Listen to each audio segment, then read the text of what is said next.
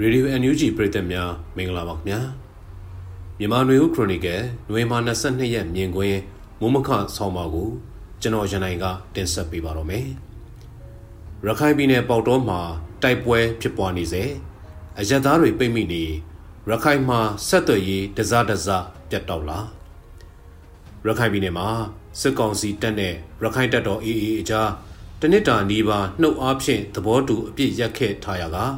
အခုလ23ရက်နေ့မှာတော့ပြန်လည်ဖြစ်ပွားလာခဲ့တာဖြစ်ပါတယ်။ AA လက်နက်ကိုင်အဖွဲ့က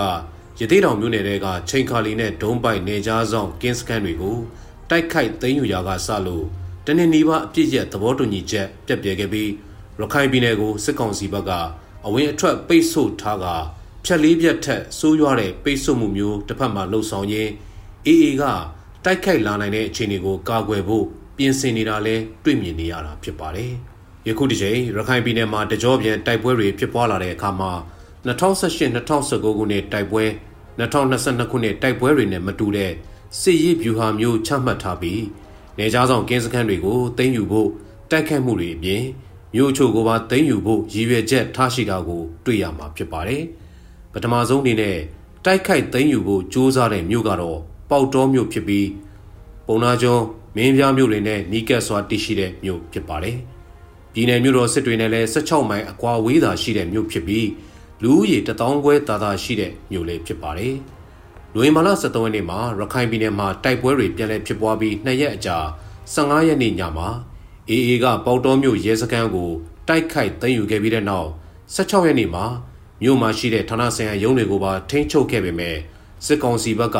ရေလန်းကရောမြေပြင်ကပါပြန်လည်တိုက်ခိုက်ခဲ့ပြီးမြို့ပေါ်မှာပြန်လည်နေရာယူကာ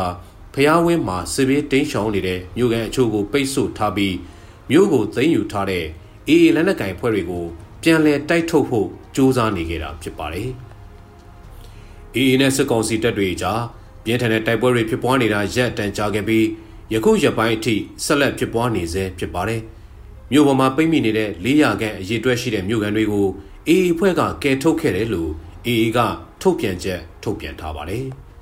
ပေါတော်မြို့မှာရှိတဲ့ဖုန်းတော်ကြီးတစ်ပါးဆိုရှယ်မီဒီယာမှာတင်ထားတဲ့ post တစ်ခုမှာတော့စစ်ဘေးရှောင်ဖို့အတွက်မလွယ်ကူတဲ့တက်ကြီးရွယ်အိုတချို့စိတ်ကြမ်းမာရေးမကောင်းသူတချို့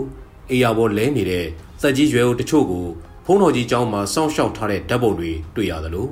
post တစ်ခုမှာတော့မြို့ထဲကြံရိတ်ခဲ့တဲ့အေယာထဲလဲနေသူတက်ကြီးရွယ်အိုတယောက်ကိုဖုန်းတော်ကြီးကရေတိုက်နေတဲ့ဗီဒီယိုတစ်ခုကိုလည်းတွေ့ရပါတယ်မြို့ကန်တောင်းကနန်းကျော်တိုက်ပွဲဘေးရန်တွေကိုတင်းရှောင်ခဲ့ကြပေမဲ့ အခုလိုအိယာကမထနိုင်သူ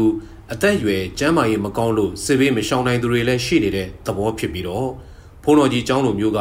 စောင့်ရှောက်ထားတယ်လို့သဘောပေါက်ယူဆရပါတယ်။လွန်ခဲ့တဲ့၄ရက်ခန့်ကတင်ထားတဲ့ Facebook post ထဲမှာအိယာတဲ့လဲနေတဲ့အဖော်အတူအသက်80ဝန်းကျင်အဖိုးတွေစိတ်မချမ်းမာရေးမကောင်းသူလို့ယူဆရတဲ့သူတွေကိုဖုန်းတော်ကြီးကျောင်းမှာခိုလုံနေကြတဲ့ဓာတ်ပုံတွေဖြစ်ပြီးဒီဓာတ်ပုံတွေကိုကြည့်ရှုရသူတိုင်း စိတ်မချမ်းမြေ့စရာဖြစ်ရတဲ့အနေအထားလေးဖြစ်ပါတယ်။စစ်ဘေးနဲ့အတူရခိုင်ပြည်နယ်ကိုရိတ်ခါလောင်စာ73စီဆေးဝါးဂုံလန်းရေလန်းလူဝင်ထွက်ပါပိတ်ဆို့ထားတာကြောင့်အချိန်ကြာလာတာနဲ့အမျှတစ်ဖက်မှာစားတော့ဖို့ရိတ်ခါအသက်ရှင်နေထိုင်ဖို့ဆက်သွယ်ပြောဆိုဖို့လျှက်စစ်မီတယ်လီဖုန်းအဆက်တွေထိခိုက်ဒဏ်ရာရတာနာမကျန်းဖြစ်တဲ့အခါကုသဖို့ဆေးရုံဆေးဝါးစတာတွေလည်းတစားတစားခက်ခဲလာမဲ့အနေအထားလေးဖြစ်ပါတယ်။ အခုရက်ပိုင်းမှာတင်ရခိုင်ပြည်နယ်ရဲ့အချို့ဒေသတွေမှာဖုန်းလိုင်းတွေစတင်ပြတ်တောက်လာနေပြီလို့ဆိုပါတယ်။ဖုန်းဆက်သွယ်ရေးလမ်းကြောင်းကွန်ရက်တာဝါတိုင်းတွေကလျှက်စစ်မိမရတာကြောင့်လောင်စာစီဖြည့်တင်းပြီးမိစက်နဲ့လဲပတ်နေတဲ့တာဝါတိုင်းတွေကိုလောင်စာစီရှားပါပြီးဆက်မဖြည့်နိုင်ရန်ကနေ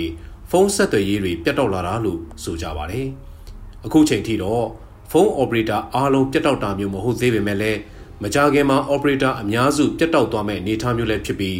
အစားအသောက်ရိတ်ခါဈေးကြီးတဲ့ဒဏ်ကိုလည်းစစ်ဘေးဒဏ်ခံနေရတဲ့ရခိုင်ပြည်နယ်ကလူလူအနေနဲ့ခါစီခံကြရအောင်မဲ့အနေအထားမျိုးဖြစ်ပါတယ်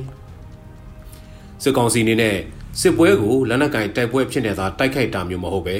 လူဦးရေ3သန်းကျော်ရှိတဲ့ပြည်နယ်တစ်ခုလုံးကိုကုံသွယ်မှုလူဝင်ထွက်တွေပိတ်ဆို့လိုက်ပြီးအသမွေးဝမ်းကြောင်းလုပ်ငန်းတွေပါလုတ်ကင်ဖို့မလွယ်ကူတော့တဲ့အနေအထားမျိုးရောက်အောင်ဖြတ်တောက်ပြီးအကြက်ကင်တဲ့နီလန်တနည်းအားဖြင့် လူလူကိုတစားကန်အဖြစ်နဲ့ဒုက္ခရောက်အောင်လှုံ့ဆော်ပြီးစစ်ရေးလှုပ်ရှားမှုတွေဆက်မလုပ်နိုင်အောင်အကြက်ကင်တာမျိုးစစ်ကောင်စီကလှုံ့ဆော်လာတာဖြစ်ပါတယ်။စစ်ကောင်စီကအေးအေးတွေမကပဲရရခိုင်နေလူထုကိုပါအခုလိုပိတ်ဆို့အရေးယူပြီးစစ်ရေးလှုပ်ရှားမှုအားပြော့အောင်အရသာထိခိုက်နေနာမှုကိုအကြောင်းပြုပြီးစစ်ရေးတိုက်ခတ်မှုတွေရန်နာဖို့ဖိအားပေးတာတွေကိုအေအေဘက်ကဘယ်လိုတုံ့ပြန်မလဲတော့လောလောဆယ်မှာမသိရှိနိုင်သေးပါဘူးစစ်ကောင်စီဘက်ကပိတ်ဆို့တန်ခတ်မှုကိုတုံ့ပြန်နိုင်မဲ့နီလန်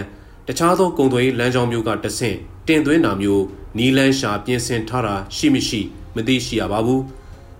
ဘယ်လိုဖြစ်ပေါ်လာမလဲဆိုတာကိုအခုချိန်ကစလို့စစ်ရေးတိုက်ပွဲရောမြို့ရွာတွေက